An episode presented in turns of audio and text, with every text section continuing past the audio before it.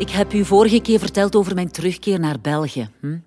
Over het aanbod van Dave, dat niet zozeer een uitnodiging, maar eerder een bevel was. Ik heb toen beseft dat ik niet gemaakt ben om samen te werken met anderen. En zeker niet als ze traag en lui zijn. Ik doe het liever zelf. Want je weet het, hè? Wat je zelf doet, doet je altijd beter. ja.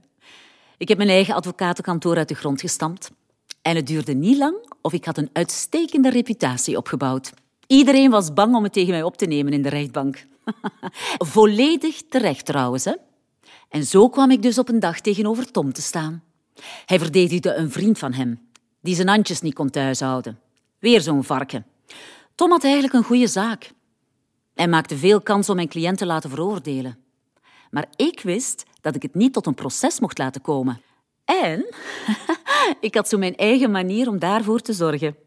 Ik ontdekte al snel dat die vetzak al een paar keer ontslagen was wegens ongewenste intimiteiten.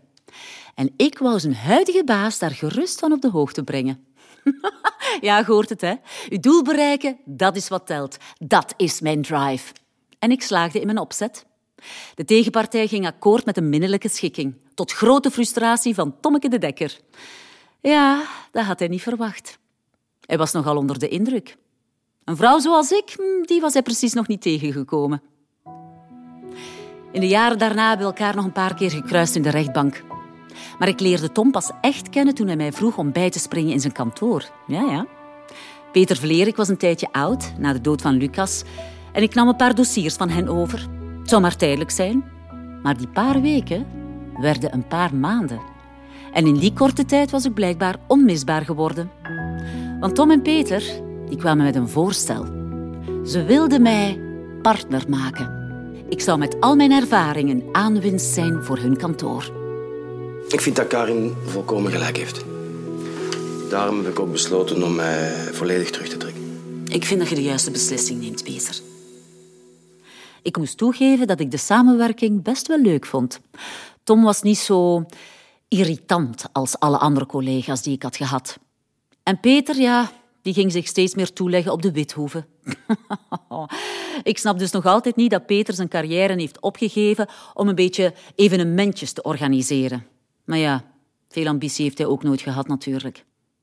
Kijk, hè, dat hij zich op professioneel vlak zo wou verlagen, dat was zijn keuze. Maar dat wil niet zeggen dat hij ook in mijn plaats moet beslissen. Hè?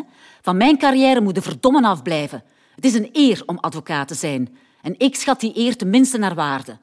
Enfin bon, Karen, rustig, adem. Peter kon het toen ook al niet laten om mij een serieuze hak te zetten.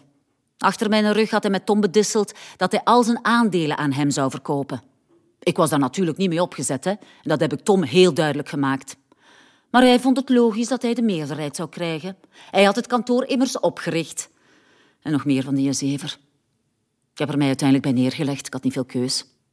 Als Tom dacht dat hij zo de grote man was, fine by me. Ik wist toch dat ik eigenlijk de drijvende kracht was. Ik bracht de grote klanten binnen. Ik was degene die ons kantoor naar een ander niveau zou tillen. Maar ik liet Tom in de waan. En ik deed alsof hij de macht had. Als je zijn ego streelt, hè, krijg je veel meer van hem gedaan. Altijd zo geweest. Wij vormden wel een goed team. Samen waren wij tot grootste dingen in staat. Dat voelde ik. Ik had grote plannen. Tom was aan de zijde van Peter in slaap gedommeld. Het was tijd om wat ambitieuzer te werk te gaan. Het heeft even geduurd voor ik Tom kon overtuigen. Maar uiteindelijk, ja, uiteindelijk deelde hij mijn ambitie. Ik zei het al, hè. Ik kreeg altijd mijn zin. Alles ging goed, ja. Veel te goed, misschien. En toen haalde mijn verleden mij genadeloos in. Hier werkte. Mijn hart klopt in mijn keel. Ik voel zoveel woede in mijn lijf. Ik wil er alles aan doen om de laatste wens van mijn oma waar te maken. ook al begrijp ik echt niet waarom ze het niet kan loslaten. Kom aan. Karin is haar moeite en liefde echt niet waard. Ah, misschien moet ik die brief toch gewoon maar op de post doen. Nee, kom aan, Kobe. Ik moet die brief gewoon persoonlijk afgeven. Haar in de ogen kijken en haar laten voelen hoeveel pijn ze heeft veroorzaakt. En hoe hard ik haar haat. Ik mag nu niet twijfelen. Ik moet dit doen. Voor mijn oma. Uh, goedemiddag. Kan ik u helpen? Misschien, ik ben op zoek naar Karin Baart. Geeft u een afspraak? Nee. Maar ik weet zeker dat ze mij wilt zien. is bezoek voor u. Verdomme, hè. Kobe gebruiken om een brief te brengen. Hoe kan ze? Allee, ik ben heel benieuwd wat ze te melden heeft. Liefste Karin, ik heb slecht nieuws gekregen. Het gaat niet goed met mij. Ik heb niet lang meer te leven. Ik hoop dat je nog eens langskomt en dat we nog eens kunnen praten. Liefs, mama. Verdomme. Dat is... Dat is... Emotionele chantage. Hoe kan ik de laatste wens van een stervende vrouw, mijn moeder, negeren? Hoe, hoe durft ze? Mijn moeder had Kobe, mijn zoon, gebruikt om op mijn emoties te spelen. Hoe laag was dat? En ik? Ik was er kapot van.